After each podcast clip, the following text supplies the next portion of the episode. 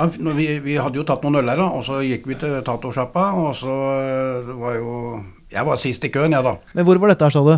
Det var i Rotterdam. Rotterdam. Ja, og hvilken tids, tidsperiode er vi 68. 68, ja. Ja. Mm.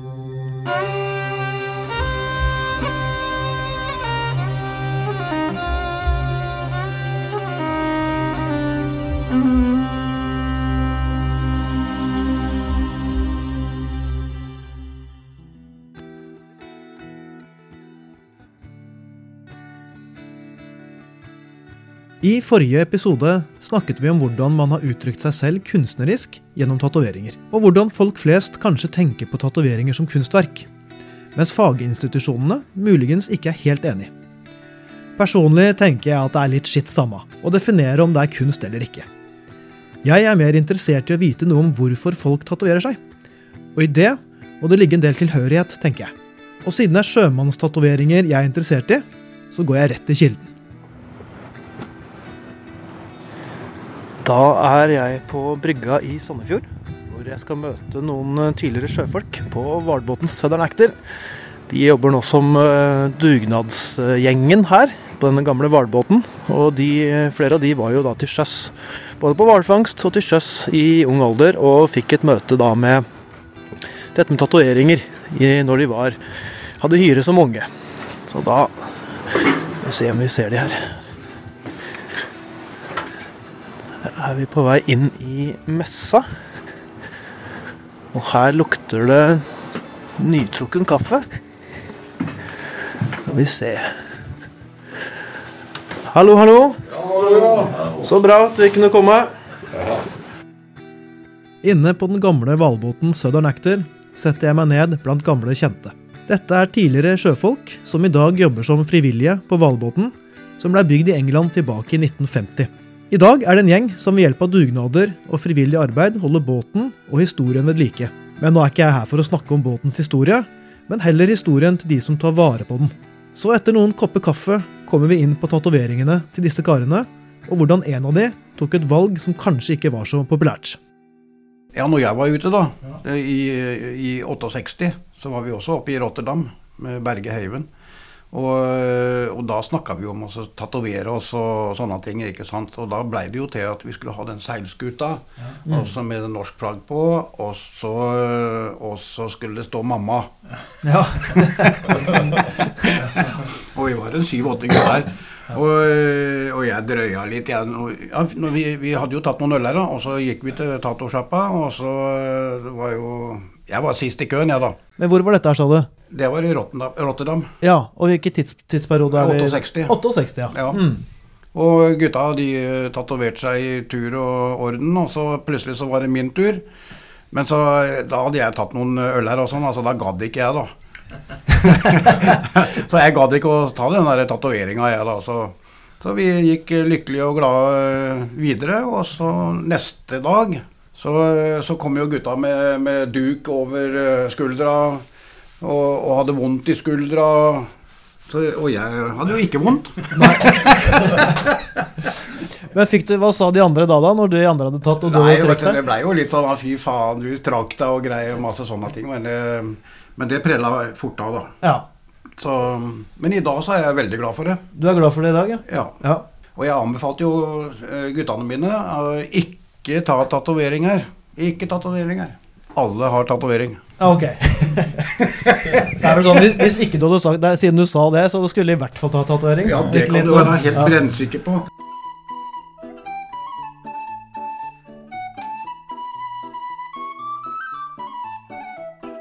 Tom, når er det du mønstra ut? Jeg reiste ut første gangen i 1969.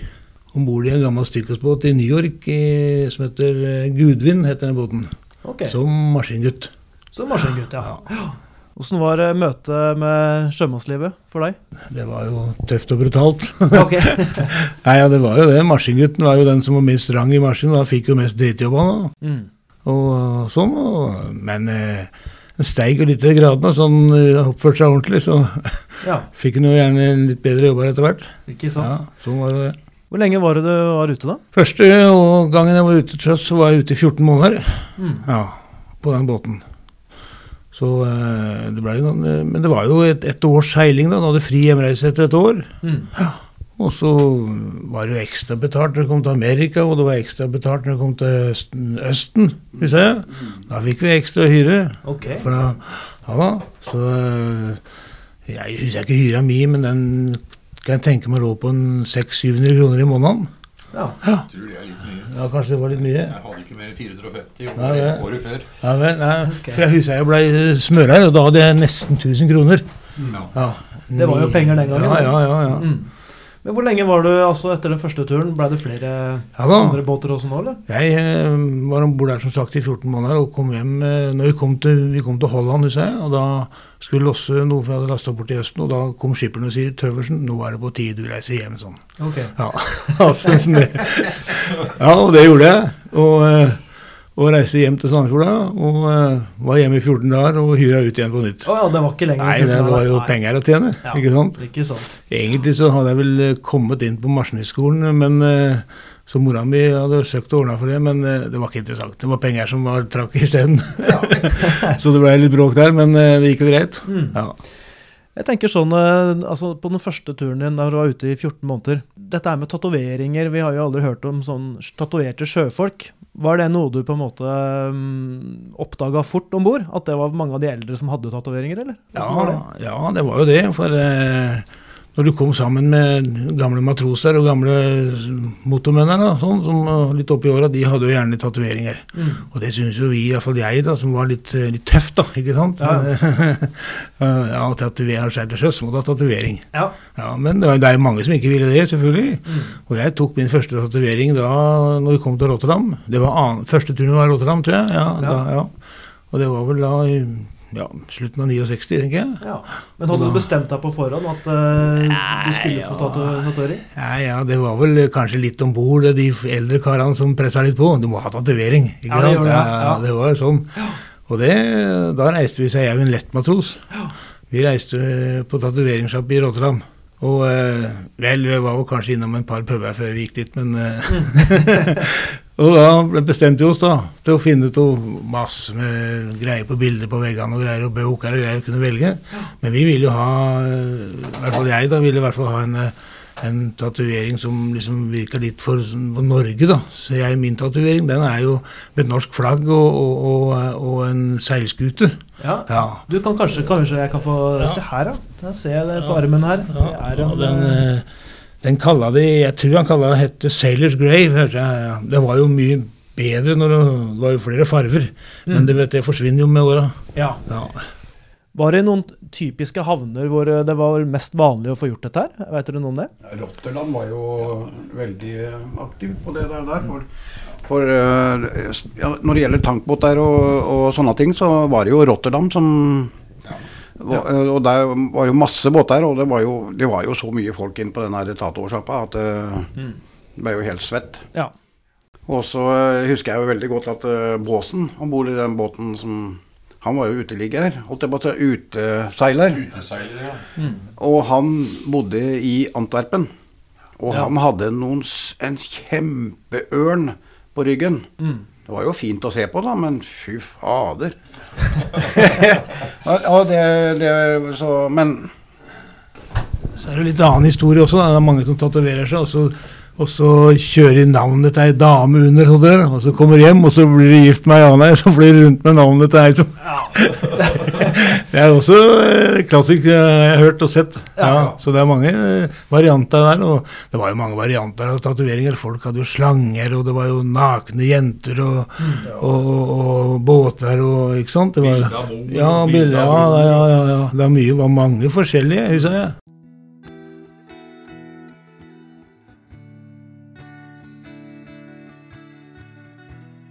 Det har liksom aldri vært aktuelt for min del å ta en tatovering.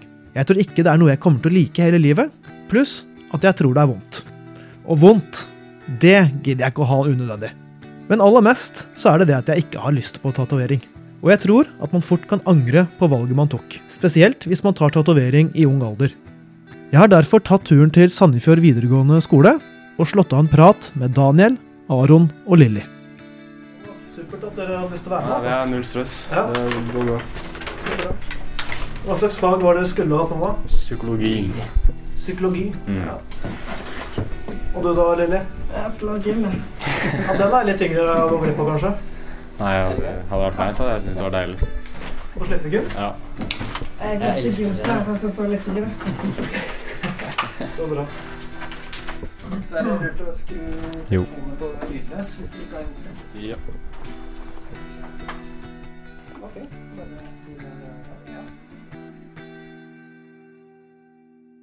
Vi kan jo begynne først med hva heter dere og hvor gamle dere er, kanskje?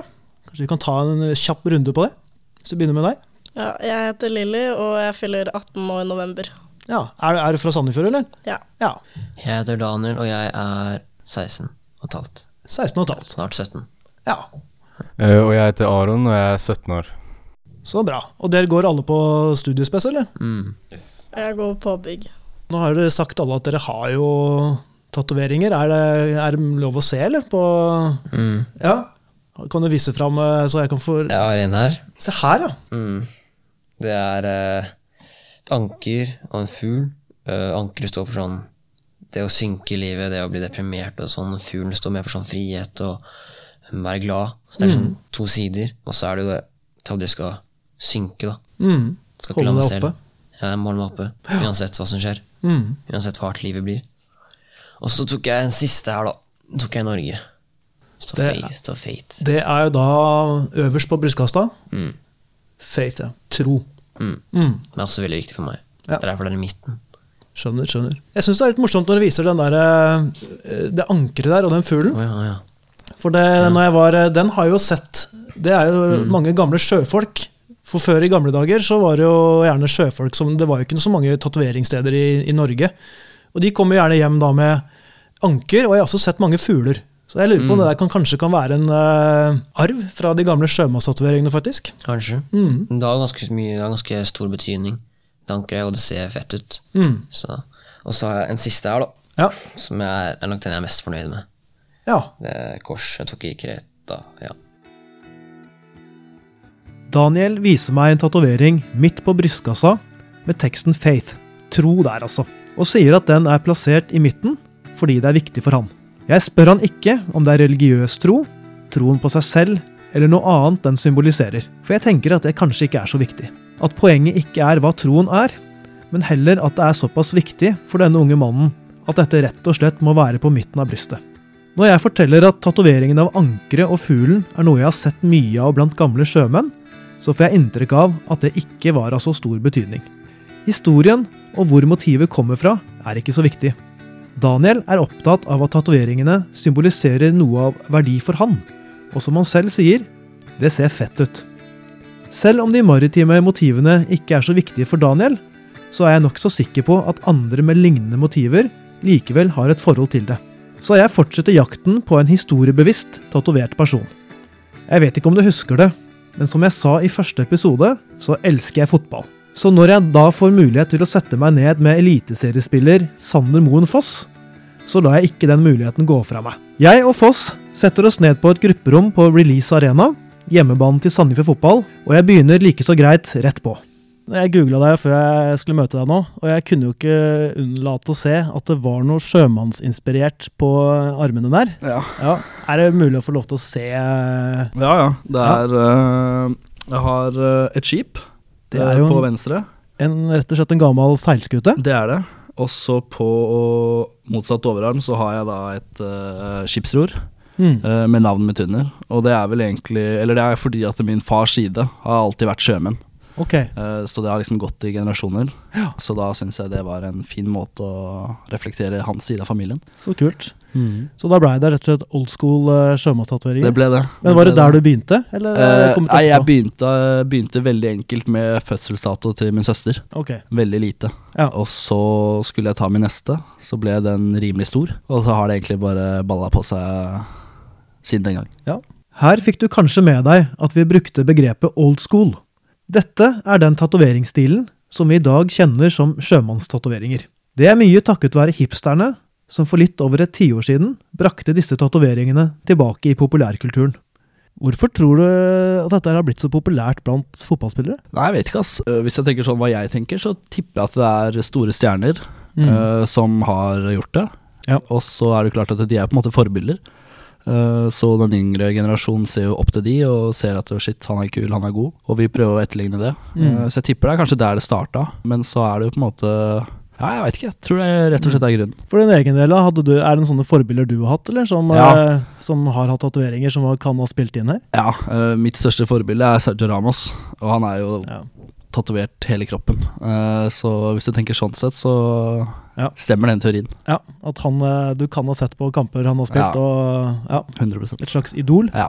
Men tror du at du, eh, hvis ikke du hadde vært fotballspiller, tror du du hadde hatt uh, tatovering da, eller?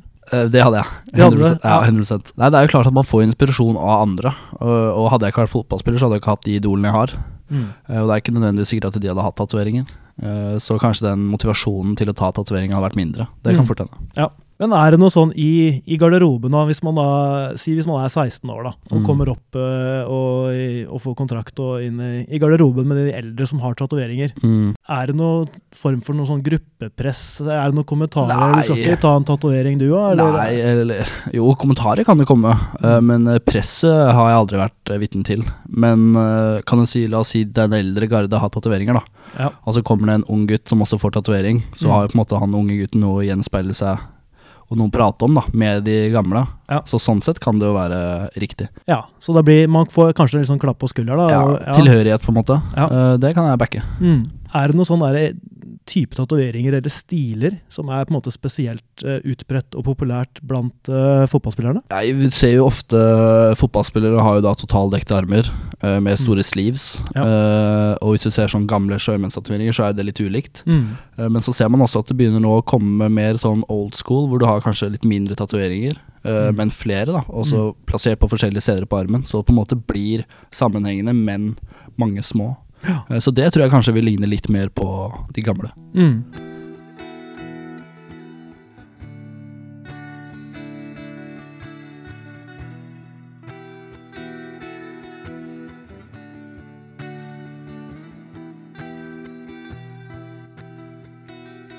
Tilbake på skolen har jeg fått vite at man ikke trenger tillatelse fra foreldrene for å ta tatoveringer i utlandet. Noe som kanskje er med på å forklare alle motivene til Daniel på 16 15. Men Daniel lytter til foreldrenes forbud mot store tatoveringer. Og Aron spør alltid om lov. Lilly derimot har noen lure triks hun kommer til å fortelle oss om. Men først viser hun meg tatoveringen av hunden sin på leggen. Jeg ser en hund. Ja, det er den gamle hunden min som jeg hadde fra jeg var liten, men eh, hun ble jo avlivet fordi hun ble syk. Ja. Og så er det jo et evighetstegn, for at det, det er et uh, tegn som betyr veldig mye for meg. Så liksom, for meg så symboliserer det at liksom Uansett hva som på en måte skjer, så kommer jeg alltid til å bry meg om de. Mm. Og så er jo den. Ja, da er det en litt sånn liten en rett under eh, håndleddet. Ja, det er en bølge og en sol, og det er jo fordi jeg elsker jo solnedgang og sånt, da. Ja, ok.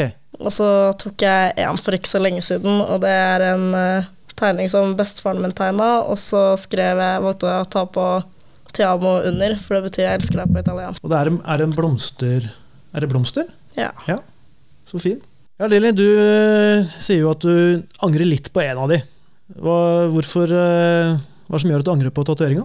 Altså nå angrer jeg jo ikke, men rett etter å ha tatt det, så begynte jeg å tenke litt ekstra over det. Så var jeg sånn Dette er ikke noe som mamma aksepterer. Så jeg, Hvilken av de var det, da? det var den på leggen av hunden. Ja. Og mamma og pappa er jo skilt, så det er liksom Jeg fikk jo bare ja, pappa og nei mamma. Så jeg kjørte jo den taktikken at jeg spurte jo den andre forelderen som jeg visste kom til å si ja. Mm, og så begynte jeg jo å angre litt, for jeg skjønte jo at nå har jeg gjort noe som jeg ikke får lov til. Men sånn i ettertid så angrer jeg jo ikke nå lenger, for det er jo ting jeg syns er betydningsfullt. ja. Og så er det jo mulig å fjerne det, da. Ja. Hvis man angrer skikkelig. Eh, Aron, du har jo ikke sagt hva slags tatovering du har. Nei, eh, jeg har eh, fødselsdatoen til mamma og pappa på romertall, eller på rett og under eh, kragebeinet. Mm. Det jeg tenkte som første tatovering, så vil jeg ha noe som betyr noe for meg, da. Og så kan jeg heller gå litt eh, galmann på de andre tatoveringene. Kanskje ikke de har så mye betydning, men så lenge de ser bra ut, og, og at jeg vil ha de på kroppen om 30 år. Mm. Eh, jeg tenker mye sånn, da. Hvis, Ja. Fordi man kan jo bli, når man først tar en, Mm. kan man bli veldig sånn hvis man er litt sånn impulsiv også. Ja. Så tar man gjerne ganske mange, da. Uh, og da ender man jo fort opp med kanskje noe man angrer på, da, sånn som Daniel med fingrene. Og nå lurer du kanskje på hva Aron viser til når han snakker om fingrene til Daniel, men det er rett og slett en godbit du bare må vente med. Men det er verdt å vente på, altså. Det lover jeg. Jeg tenker sånn at vil jeg ha denne tatoveringa på kroppen min om 30 år? Eh, nei, da tar jeg den ikke. Ja, da tar jeg den, ikke sant. For jeg hadde jo tenkt til å ta en eh, Den var ganske svær også. En slange rundt et uh, sverd på, på, på bunnen av armen. Og nå hadde jeg hatt kjempelyst til å ta den, fordi den var jo sykt fet. Så, men så tenkte Så snakka jeg med pappa, og sånn, han bare Aldri i livet, da får du i hvert fall betale den sjøl. Ja. Eh, fordi Og jeg kan Jeg ble enig med han etter hvert, og jeg tak, setter jo pris på at pappa liksom bryr seg om meg, på en måte. da Fordi nå, jeg hadde jo ikke likt på en måte å ha den på armen om 30-40 år, da. Veit du nå, da, hva du tenker når du er voksen og er eh, nesten 50? Det er jo litt det. Man kan jo ha noen form for eh, tanker om hva man tenker der og da, men jeg vet i hvert fall at jeg skal ha ganske mange tatoveringer. Mm. Eh, ikke sånn i ansiktet og sånn, selvfølgelig, da, men sånn på overkroppen, beina, armene. Eh, holde meg litt unna sånn fingre og på litt hender og sånn, da. Men eh, jeg har i hvert fall lyst på veldig mange, da. Eh, Ja. Fordi jeg liker det sjæl, og det på en måte liksom representerer meg litt, da. Fordi jeg har Mm. jo Jeg bare er litt, litt sånn, på en måte. Så Mm. da jeg tenk, tror jeg klarer å tenke meg fram til hva jeg tenker når jeg er en drøy 40-50 år gammel, da. Tenker du da liksom, hadde dette her passa på en voksen person, Ja, så ser du for deg tatoveringen på en som er eh, i 40-åra, f.eks.? ja, ikke sant. Jeg tenker jo litt sånn på, på modenhet og sånn, da. Mm. At hvis man kommer, er 40 år Hvis jeg eksempel eh, Nå kan jo ikke de på podkasten se hvordan jeg kler meg, da. Men hvis jeg hadde kledd meg sånn her, og gått med sånne litt barnslige tatoveringer, da. Som en typisk sånn fjortis hadde tatt. Kanskje jeg ikke hadde blitt tatt så veldig seriøst, og litt Mm. sånn barnslig, da. Ja, for du har jo litt sånn eh, Nå kjenner jo ikke jeg deg, men litt sånn hiphop-stil. En 90-tall slash eh, skatestil, fordi jeg, Ja. s- jeg skater. Så da fort uh, får man jo sånn stil, da. Jeg må ærlig innrømme at det er litt vanskelig å holde maska, for jeg synes det er litt morsomt at de snakker om disse gamle menneskene med tatoveringer, og så har jeg på følelsen av at de ikke helt kobler at jeg nærmer meg midten av 40-åra, og at jeg faktisk var en del av den 90-tallsstilen de snakker om. Og så er det muligens ørlite sårt at de ser såpass kule ut. Når jeg ser bilder av meg selv fra den tiden, var det ikke helt den samme viben. I stedet for Sailors Grave kan man kanskje ha Millennial Grave, for å symbolisere mitt generasjonsmøte med den yngre generasjonen. Det er nok mange grunner til hvorfor folk tatoverer seg. Men etter samtalen jeg har hatt i dag, så tror jeg ikke at alle grunnene alltid er like gjennomtenkt, og at man fort kan angre. Det er fullt mulig å fjerne tatovering. Men når uhellet først er ute, så må man bare eie det, tenker jeg. Slik som Daniel. Og så er det her, da. Som er eh, bursdagen min. Og det er den jeg angrer mest på. Det, det er jo til dere som hører på nå og ikke ser dette her, så er det da på, på fingrene. Mm, 13 da, som er bursdagen min. Og den angrer du på allerede. Ja. Fordi det, det som han ikke visste når han tok den, da, det er at uh, 1312 det står for uh, All cops are bastards. Ok. På sånn, uh, på sånn eh, sannsynligheten? Ja, ikke sant? Fordi ikke sant? 1312 det er jo 1312, så hvis man tar det fra Mm. i alfabetet, da Første bokstav A, tredje bokstav C osv. Så staver det ACAB, da, som står for det. Så det sier jo litt om hvor impulsiv jeg er, da. ja. Jeg bare tenkte jeg skal ha tatovering på fingrene, kjører jeg bursdagen. Ferdig. Og så var du uheldig at det betyr all cops Ja. all all bastards. Ja. Og så tenkte jeg heller ikke på at det er sånn gangsterting å gjøre. Ja. Han fyren sa jo midset at det her er sånn mafiagreier å gjøre, liksom. Ja. Så jeg må nok fjerne det, ass. ja. Det er mange som har bidratt til denne podkasten, og jeg har lyst til å rette en stor takk til eh, Tor Ola Svennevik, Arild Flatebø, Aksel Jare Mustaparta, Per Olaf Larsen, Lasse Ødegård, Tom Tøversen, Sander Moenfoss, Ida Bringedal og ikke minst Aron og Daniel og Lilly fra Sandefjord videregående skole. Denne podkasten hadde ikke vært mulig å lage uten dere. Podkasten er laget av meg, Eivind Thorsen, Peter Bøttinger, Jon Anders Øyerud Bjerva og produsent Susann Melleby. Tidløse historier er en podkast av Vestfoldmuseene.